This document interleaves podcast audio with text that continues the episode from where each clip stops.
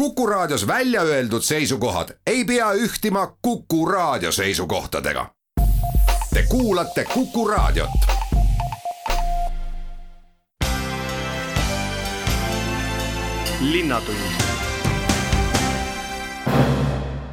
tere päevast, Linnatund alustab. stuudios on saatejuht Ulla Lents ja ütlen kohe tere meie tänasele esimesele külalisele, kelleks on Tehnopoli äriarenduse juht Martin Korosko. tere, Martin, ja tere tulemast Kukusse! tere, tere! räägime täna targast linnast, sest äh, sellest, et äh, Tallinn tahaks liikuda targa linna poole, sellest äh, on palju räägitud, aga et kui me räägime sellest targa linna ideest ja erinevatest targa linna lahendustest, et vot millest me siis õigupoolest räägime? Ja tõenäoliselt me ei pea silmas ainult seda, et noh, et igal pool on nagu internet vabalt kättesaadav ja, ja arvutid on võrgus ja saab äh,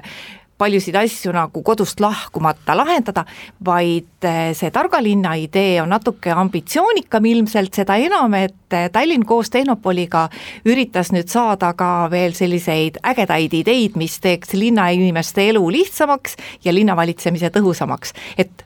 kui sulle öelda tark linn, et mis sa siis selle all mõtled? Jah, et eh, see targa linna temaatika on kahtlemata üks populaarsemaid temaatikaid siin viimasel ajal. Ja, ja tuleb nagu tunnistada, et tegelikult iga inimene suhtub tarka linna natuke erinevalt. Ja noh, kui me võtame nagu klassikalises mõttes, siis tark linn peaks olema see, see linn või see siis niisugune linnakeskkond, kus on väga mugav olla, kus on äh, kasutusel väga keskkonnasäästlikud lahendused, kus on hästi läbimõeldud transport, logistika, inimeste liikumine ja kõik need uudsed lahendused, millest me räägime, et need kõik tegelikult äh, tulevadki erasektoritest, et äh, te väga hästi nagu mainisite sissejuhatuses seda, et äh, jah, et me oleme nagu käivitanud erinevaid initsiatiive, kuidas neid lahendusi leida ja natuke nii see käibki, et, et tegelikult on vaja võtta need tehnoloogiad, mis on täna juba kasutuses, ja vormida nad selliseks, et nad oleks ka kasutatud linnaruumides, et kui me räägime kas või ma ei tea, ühistranspordi kiipidest, valideerimiskaartidest, eks ju, et noh, et neid saab igal pool kasutada, et ustest läbipääsemiseks ja nii edasi, nii edasi, aga see, et panna nüüd ühistranspordisüsteem selle peale tööle, et see nõuabki natuke sellist nutikust ja väga head koostööd erasektoriga, eks, et need lahendused sinna päriselt jõuaksid ja, ja see konkurss, äh, mida me käivitasime, mille nimi on siis Tallinn Innovation, et seda siis tegid Tallinna linn ja Tallinna Teaduspark Tehnopol koostöös, et selle ambitsioon oligi tegelikult tuua siis linnaruumi uusi lahendusi ja otsida üles neid lahendusi, kes iseennast niivõrd äh, targa linna toodeteks või teenusteks ei pea, tutvustada neile neid võimalusi ja tuua nad päriselt siis nagu linnaruumile lähemale. No kui palju nendest tulemustest oli sellised vot äh, kui me infotehnoloogilistest lahendustest räägime, siis teinekord inimesed ehmatavad ära, et noh, et nad ütlevad, et noh, et see ei ole midagi sellest, mille, millest meie aru saame, et noh, meie tahame lihtsalt poes käia, mugavalt bussiga sõita ja, ja et noh, et mis, et mis infotehnoloogilised lahendused, tegelikkuses ju kõik need asjad, mida maailmas välja mõeldakse, noh, mõeldakse ju välja väga paljuski selleks, et vot see meie igapäevane poeskäik ja bussisõit olekski parem. et kui palju nendest, mis pakuti sellele konkursile, on sellised, mis on inimestele hästi mõistetavad nende lahenduste kasutuselevõtt alati saab alguse siis, kui üks osapool on sellest äärmiselt huvitatud. et sellest võib olla huvitatud samal ajal nii linn kui ka siis tegelikult lõppkasutaja. väga paljudel juhtudel linn teab äh, probleeme paremini, kui teab kasutaja ja, ja seetõttu antud juhul see initsiatiiv tuligi linna poolt. aga põhimõtteliselt äh, noh, linnal on väga palju efektiivsusküsimusi ja ta tegelikult peab leidma nii digitaallahendusi, tarkvaralahendusi, nagu te mainisite, isegi riistvaralahendusi, et seda efektiivsust äh, parandada, et ollagi rohelisem ja et pakkuda kõige-kõige mugavamaid teenuseid maailmas, eks ju, enda linnaruumis. et kasutaja poole pealt on see pigem selline alati noh, tore üllatus, on ju, et kui sa näed, et midagi on äh, muudetud, midagi on tehtud paremaks, midagi on tehtud kiiremaks efektiivsemaks, eks. et antud juhul me lähtusime sellisest äh, linnapoolsest võib-olla vajadusest, vajadusest ja hakkasime otsima siis äh, neid lahendusi, nii digitaalriistvara, seal ei olnudki nagu väga palju piiranguid, mis siis oleks äh, hästi kiiresti piloteeritavad äh, päris inimeste peal. et see oligi tegelikult üks selline kriteerium, et me võtame mingisugused valdkonnad, ütleme, see on transport, rohevaldkond ja hakkamegi süstemaatiliselt otsima, et milliseid võimalusi selles valdkonnas on ja, ja me tahtsime, et kõik need projektid oleksidki tegelikult nagu lõppkasutajateni toodavad vähemalt sellise pooleaastase perspektiivi jooksul, et me ei tahtnud nagu käivitada kohe selliseid suuri massiivseid arendusi,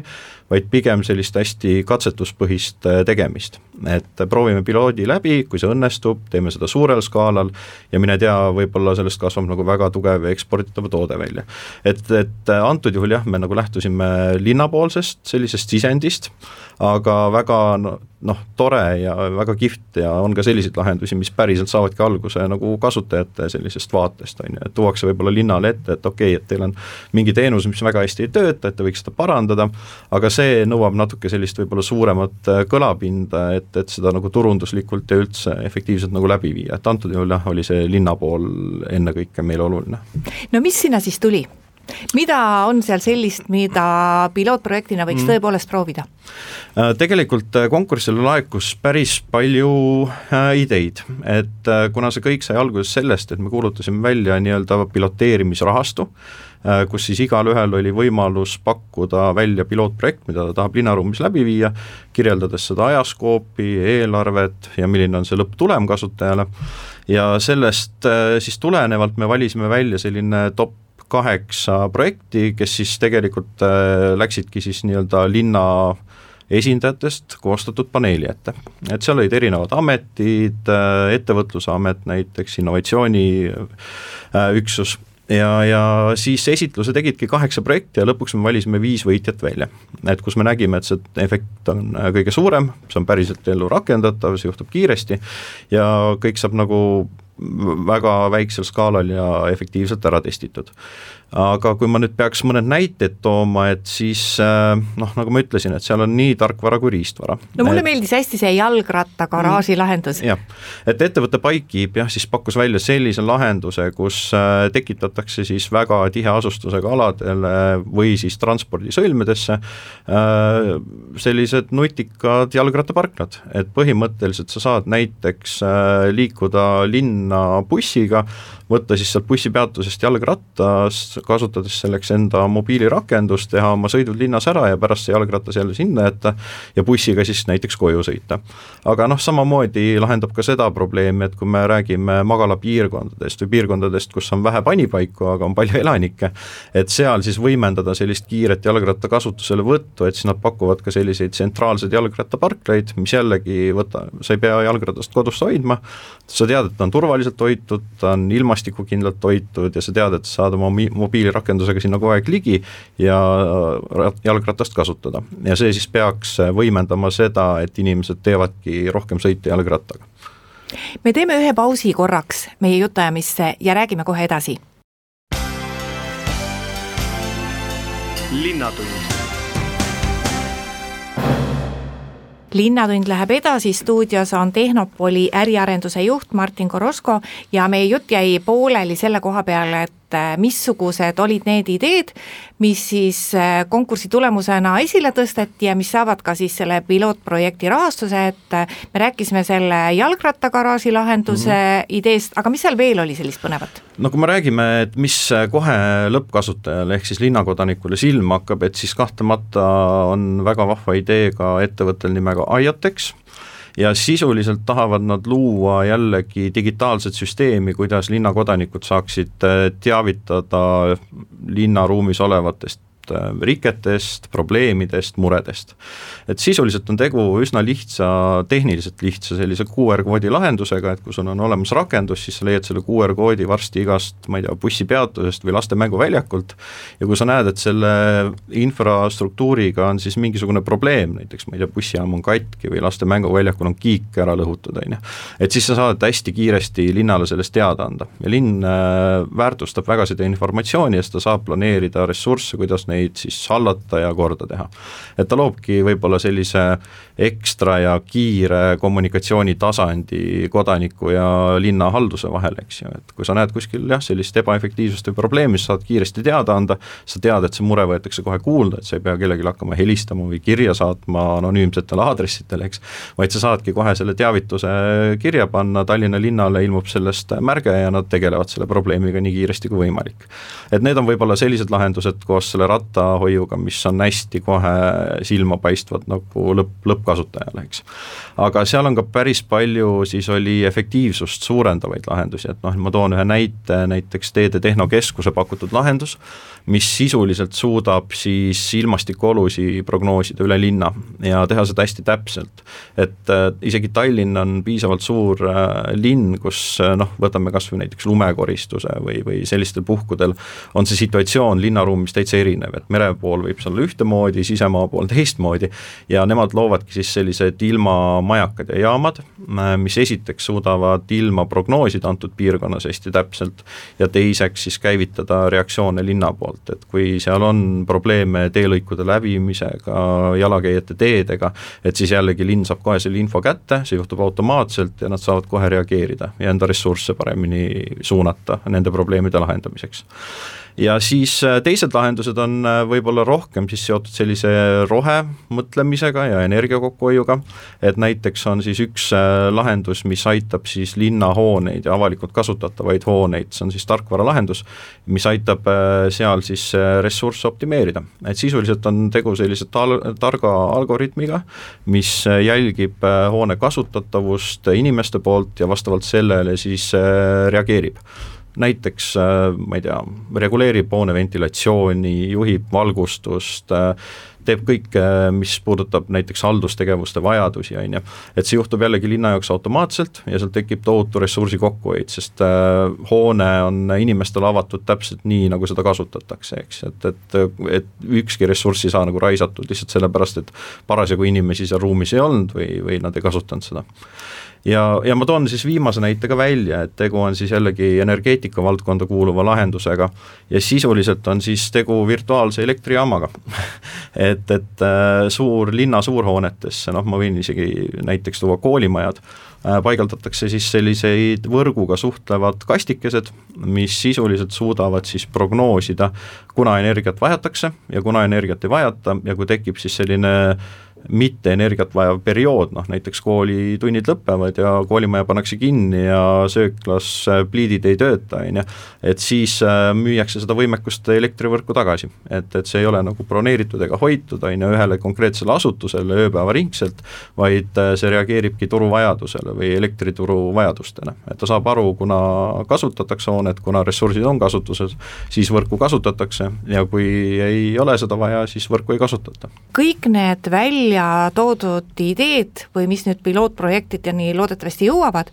ma ütleksin enamus, enamasti, et ega siin ju mingi, midagi sellist ei ole, mis ei ole teostatav. et äh, kas või seesama näide, et äh, inimesel oleks telefonis äpp, kus ta saaks äh, linnavõimule teada anda nendest probleemidest, mis vajaksid kohe lahendamist, no näiteks tõesti, kui kusagil töötavad valgusfoorid valesti, kõik mm -hmm. autod sõidavad ristmikele kokku, siis sa ei hakka kuskilt otsima telefoninumbrit, vaid sa sisestadki informatsiooni ja nemad saavad seda kiiresti lahendada, et tundub, et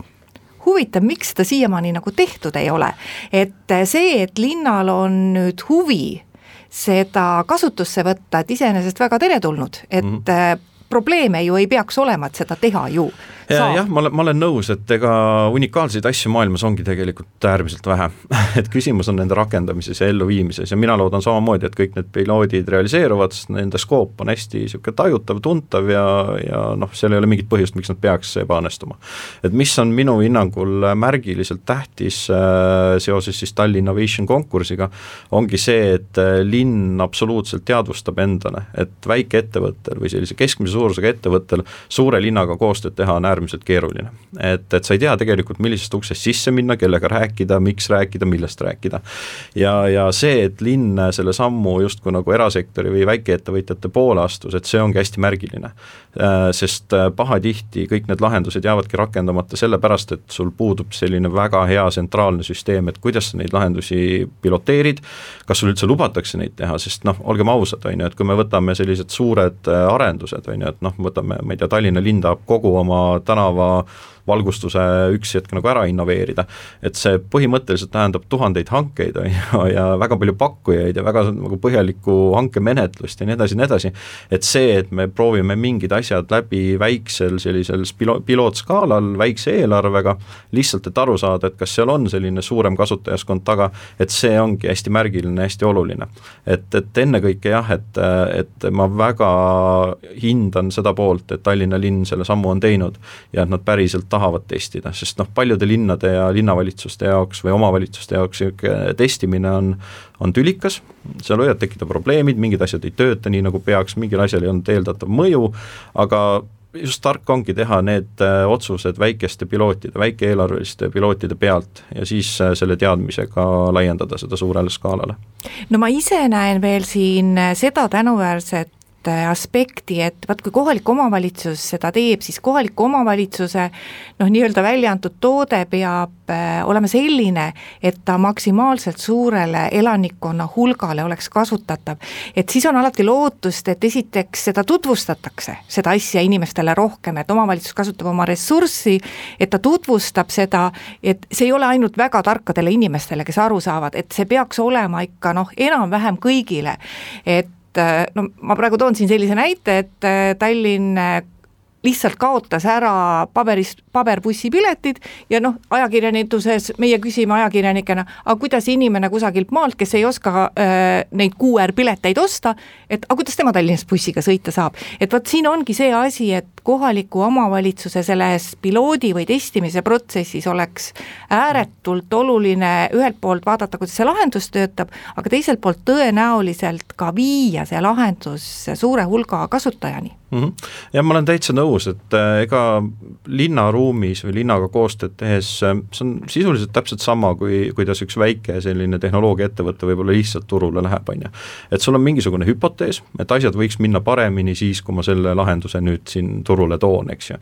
aga noh, tõsi on see, et sa ei tea seda ennem, kui sa oled päris kasutajatega läbi proovinud, et kas või hästi väiksel skaalal, et sul on viis, kuus, kümme, võib-olla sada kasutajat ja need probleemid tulevad kohe välja, sa saad kohe sellest tagasisidet. ja noh, antud juhul ongi, et omavalitsuse poolt äh, sellised väiksed nagu katsed läbi teha, et see on äärmiselt tark samm, ta saab äh, oluliselt rohkem teada, kui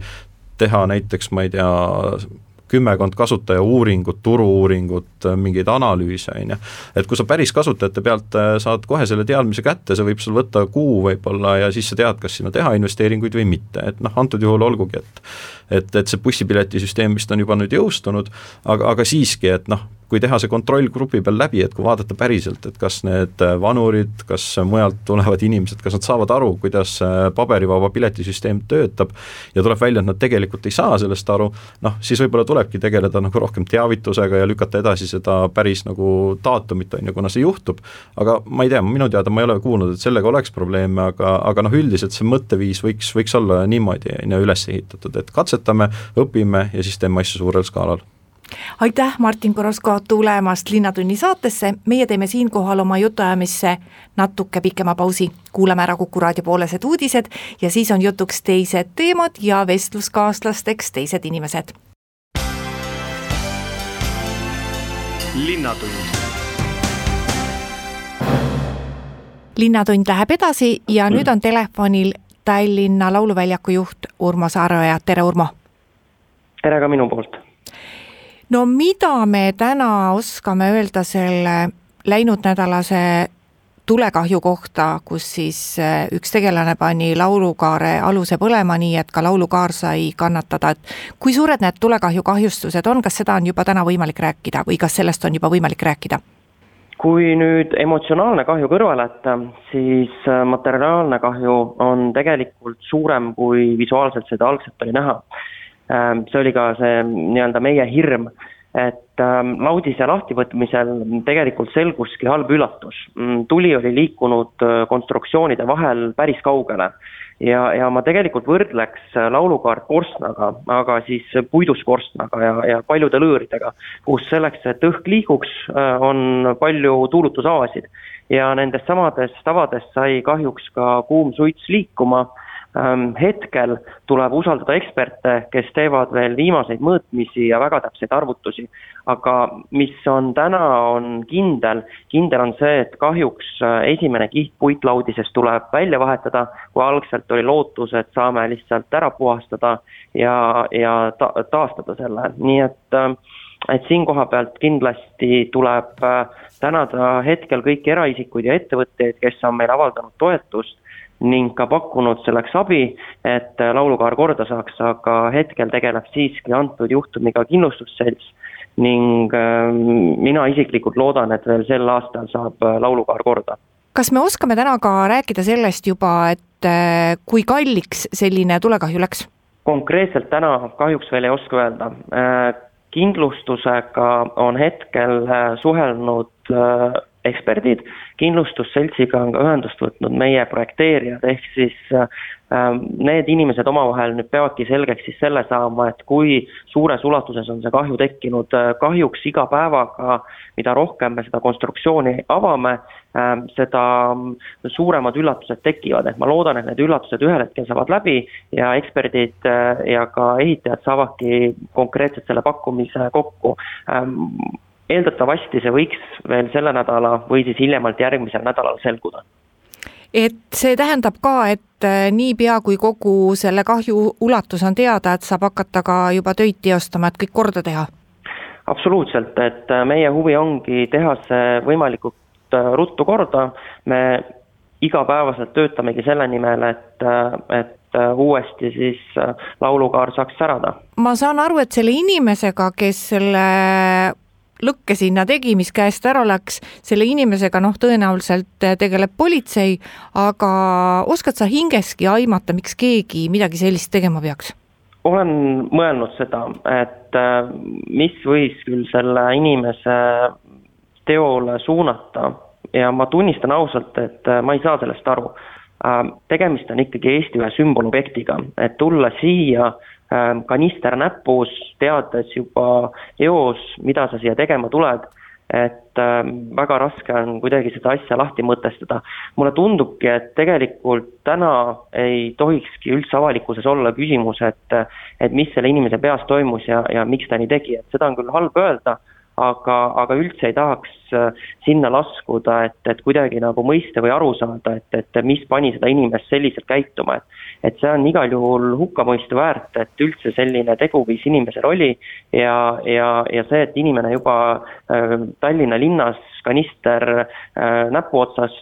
ringi liigub, et, et siin ma kindlasti julgustaks kõiki kodanikke olema valvsad sellistest asjadest siis teada andma, et lihtsamate asjade puhul saab kindlasti ise sekkuda, aga ka selliste raskemate asjade puhul tasub kindlasti ähm, ka politseile teada anda, et ähm, siis me saame ka selliseid karme juhtumeid ennetada, mida tegelikult Lauluväljakul on kuuskümmend aastat juhtunud, nii et väga raske on kommenteerida seda. tänu sellele, et oli turvakaamera salvestis, äh, saigi üldse teada, et et äh, see inimene, kes algul ütles äh, tulekustutajatele, et tema läks kustutama, et tänu sellele turvasalvestusele oli näha, et tegelikult ta läks ka põlema panema. et kui hästi Lauluväljak täna turvatud on?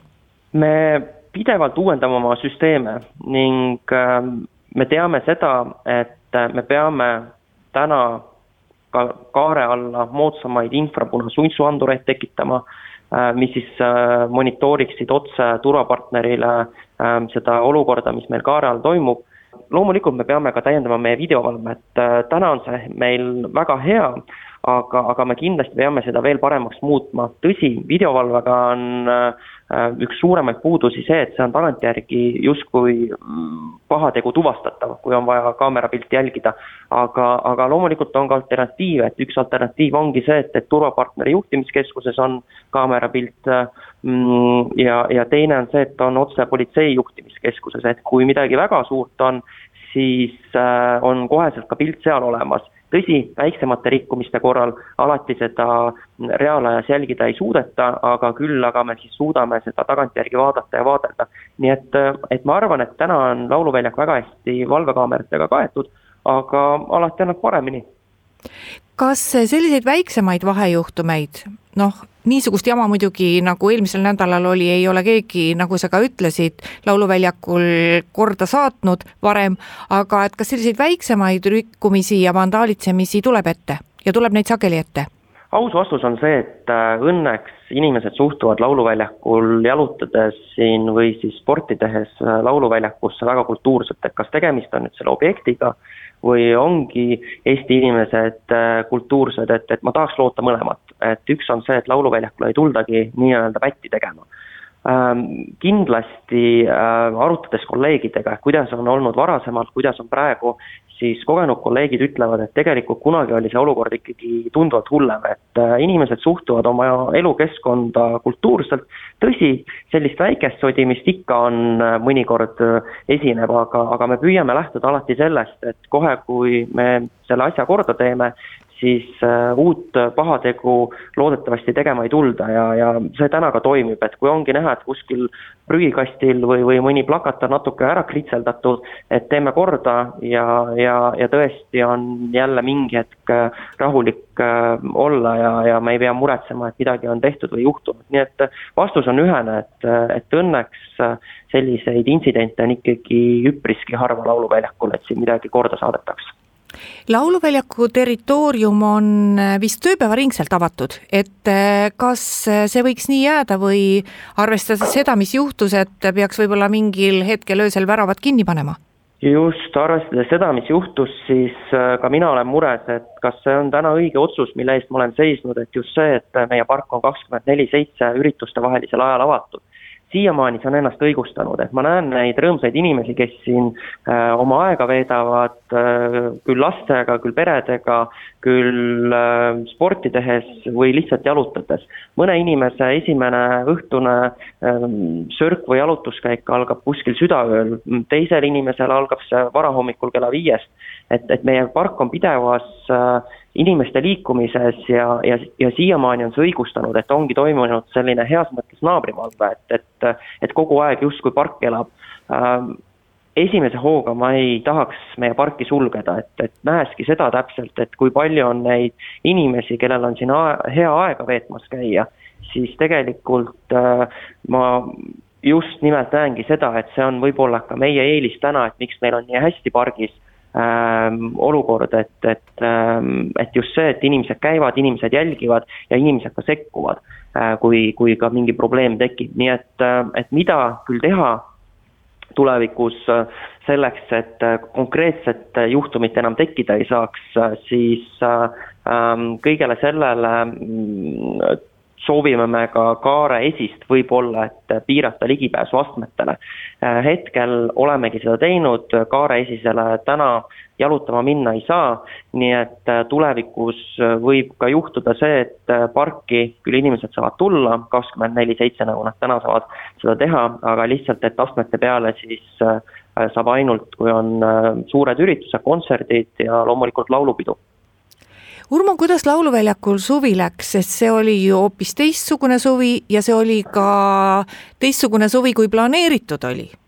see oli väga teistsugune suvi Lauluväljaku jaoks, et äh, ma arvan, et Lauluväljakul pole kunagi nii vaikset äh, suve olnud tõsi, me ise püüdsime ka leida alternatiive selle kõige juures, et, et suvi ju algas äh, sellega või õigemini kevade lõpp, suve algus, kus me tegime autokontserte, mis osutusid väga populaarseks, mis oli ju Eestis esmakordne formaat, äh, meil läks see väga edukalt. Ähm, peale seda saime me suvekontserte teha küll piiratud publiku arvuga, mis Lauluväljaku mastaape arvestades on ähm, muidugi väikesed üritused, aga me just kasutasime meie pargiala, meie seda ala, kus tegelikult varasemalt ei ole üritusi korraldatud. Ähm, see oli populaarne, äh, mitu nädalat oli üritusi ja, ja inimesed võtsid selle hästi selle uue formaadi vastu, nii et, et ka tulevikus tegelikult me saame meie kahtekümmet kolme hektarit, ma väidan, et äh, väga hästi ära kasutada ja, ja just nimelt ka seda ala, mis tavaliselt kasutust ei leia, et see pargiala. Ähm, suvi lõppes meil tegelikult üpriski mm, kiirelt, et meie alale tuli Tivoli, mis tegelikult Lauluväljakut natukene päästis, päästis just äh, majandusliku poole pealt, et äh, see osutus üle ootuste populaarseks meil oli siin palju inimesi alal. Ähm,, lapsed said nautida ähm, asja, mida mida Eestis varasemalt pole olnud, et tegemist oli suure Hollandi tivoliga, nii et, ähm, et tegelikult kui suvi kokku võtta, siis Lauluväljaku jaoks oli nii materiaalselt tegu, edukas kui ka selle poolt, et äh, inimesed saidki meie pargis väga mitmekülgset tegevust ja, ja ja saime ka väga palju kiitust just selle näol, et, et täpselt see spekter oligi hästi lai, et oli peredele asju, oli paaridele asju ja oli lihtsalt äh, tegevusi, mida saigi pargis teha selliselt, et sa ei peagi seda piletit lunastama, vaid saad lihtsalt tulla ja ja, ja nautida siin äh, väiksemaid äh, messe ja, ja, ja, ja töötubasid aga mis nüüd edasi saab, et talvel tavaliselt Lauluväljaku programm väga tihe ei ole, aga samas me elame ju tohutus määramatuses ja noh, arvata võib, et tegelikult peaks täna juba planeerima ka tuleva aasta suve, et kuidas te edasi toimetate? Vastus on õige, et äh, täna me planeerimegi suve, mm, suveplaanid hetkel on väga optimistlikud, tõsi, et see mm, talvine, kevadine periood on äh, meie optimismi natukene vähendanud, nähes, et äh, maailmas viirusest tingitud olukord mitte kuidagi ei taha paraneda, aga, aga suvi jällegi tõotab tulla hea, meie peaaegu et kõik nädalavahetused on äh, miskit tegevusi juba planeeritud, kas siis äh, meie enda Lauluväljaku meeskonna poolt või siis ka korraldajate poolt, nii et kui kõik läheb hästi, kui, kui äh,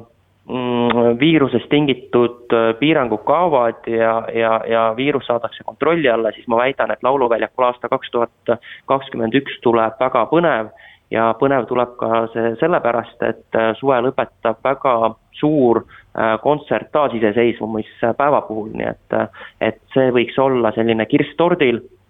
ja, ja, ja, ja nagu öeldud, et kui kõik hästi läheb, siis see on selline ühine rahvapidu aga rahvusvahelised artistid ja nende maaletoojad, et kas äh, sellist liikumist on ka näha, kas üldse julgetakse plaane teha ja, ja kas Eestisse tahetakse tulla? Hetkel on veel piisavalt aega selleks, et ollakse optimistlikud ähm, pigem niimoodi ettevaatlikult optimistlikud. aga saladuskatte all võin öelda, et järgmiseks aastaks on nii mõnigi välisartist äh, hetkel broneeritud meil esinema, nii et, et veel kord, et kui kõik läheb hästi, siis tuleb ka rahvusvahelisi artiste järgmine aasta kindlasti Lauluväljakule. Linnatund kuigi ilmad on praegu veel soojad, siis kütteperiood ja selline suur ja korralik kütteperiood jõuab kätte ilmselt juba õige pea. ja ka sellises linnas nagu Tallinn on väga palju maju, mida köetakse ikka veel ahjudega. ja Keskkonnaamet tuletabki alanud kütteperioodil meelde, et majapidamises tekkinud olmeprügi ei ole midagi sellist, mida võiks ahju ajada aga siinkohal ütlen ma tere päevast, Keskkonnaameti Põhja regiooni välisõhu spetsialist Merili Lakson. tere! Merili, miks äh, on seda vajalik meelde tuletada ja mis on see, mida sinna ahju ajada ei tohiks? Äh, majapidamises äh, tekkinud olmeprügi ei tohi kaminas, koduahjus ega katlas põletada, sellepärast et jäätmete põlemisel tekivad siis mürgised gaasid mis võivad põhjustada erinevaid äh, terviseprobleeme, näiteks vähktõbe, väärarenguid ning ka arengupeetust.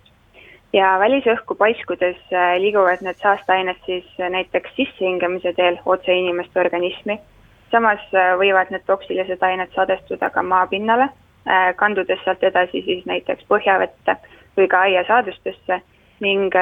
seetõttu ohustavad nad siis kõiki, kes hiljem neid saadusi tarbivad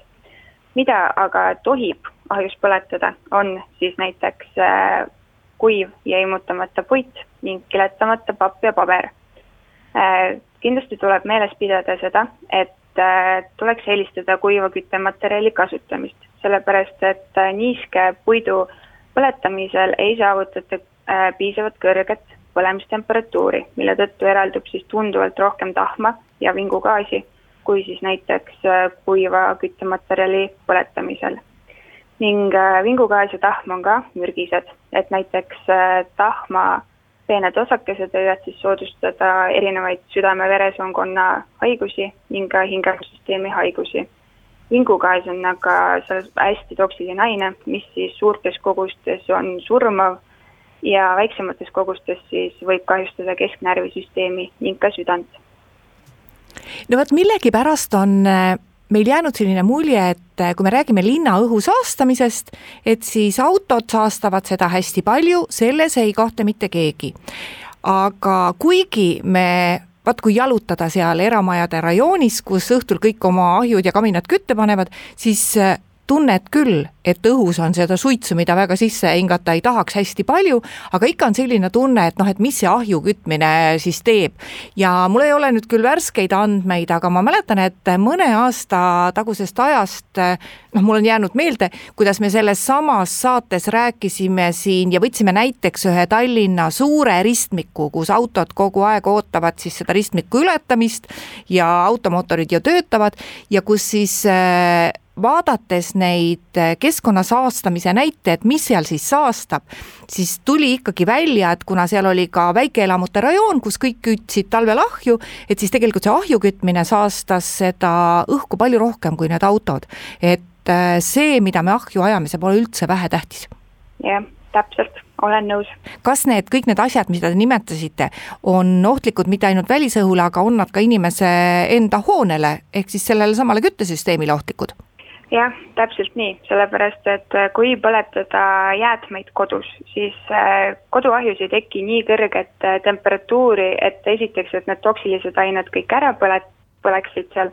Ja teiseks on siis see, et tekib hästi kõrge ülipeene tahma kontsentratsioon. ja see siis tahmabki korstent ja sellega siis vähendab ta ju ahju eluiga ja loomulikult põhjustab ka tuleohutuse probleeme kui me räägime sellest, et kodumajapidamistes inimesed panevad kaminatesse ja ahjudesse lisaks küttepuidule veel midagi, siis vaat mille puhul peaks nüüd hästi ettevaatlik olema, et, et mida sinna kohe kindlasti panna ei tohiks? kohe kindlasti ei sobi enda koduahjus põletada olmeprügi ehk siis igasuguseid äh, kilekotte, äh, plastikmaterjali, äh, toidupakendeid, et seda kohe kindlasti ei tasu ahju panna, sellepärast et see tõesti ohustab nii sinu enda tervist, naabrite tervist kui ka keskkonda. kui me nüüd ahjude juurest tuleme nende lõkete või ütleme, õues põletamiste juurde, siis noh, Tallinna linnas seda teha ei tohi, äh, sa ei tohi prügi põletada lihtsalt oma hoovis. Tallinnat ümbritsevate omavalitsuste puhul ma ei ole väga kindel, kuidas need reeglid on, aga vaadates seda, mis äh, linnaäärsete majade hoovides teinekord toimub, siis seal ikkagi põletatakse aiasaadusi või seda rämpsu, mis tuleb sealt aiast äh, päris palju. et äh, kuidas äh, selle vot hoovist tuleva rämpsuga on, et ilmselt needsamad reeglid ikkagi kehtivad seal rämpsu põletamisel ka, et kui sul on korralik lõkkekoht ja kui kohalik omavalitsus on lubanud seda lõket oma aias teha, siis noh, ilmselt kuivanud puuoksi võib põletada, aga kuidas muude asjadega on? jaa, et äh, lõkkes tohib ka põletada ainult äh, kuiva puitu, oksi ning immutamata puitu, piletamata pappi ja paberit ja siis selline muu töötlemata looduslik äh, materjal. et kindlasti ei tohi visata ka kodulõkkesse lihtsalt olmeprügi ehk siis plastikut, kilekotte plastiknõusid, et kõik selline asi ei sobi lõkkesse. vot kohe tuleb see lehtede riisumise aeg ja ma usun, et te olete minuga nõus ja olete täpselt samamoodi näinud seda pilti, et äh, alati on igal tänaval mõni majaomanik, kes kõige kiuste üritab siis neid kokku riisutud lehti ka ära põletada, kuigi on ju sulaselge, et ega need lehed ei põle, need ainult tossavad. et seda vist ei tohiks teha ja lehtede põlemisel ju on, lehed on üldiselt hästi niisked ja nad ei põle eriti hästi. Ja loomulikult tekib ka tuleoht, sellepärast et nii kui tuleb vähe suurem äh, tuuleiil, siis ta võib need lehed kõik laiali äh, vedada, nii et äh, pigem äh, mitte põletada lehti. ja ongi Linnatunni jutud tänaseks räägitud, saatejuht ütleb kuulajatele ka aitäh kuulamise eest! Ja järgmine Linnatund on eetris juba nädala pärast, kuulmiseni linnatund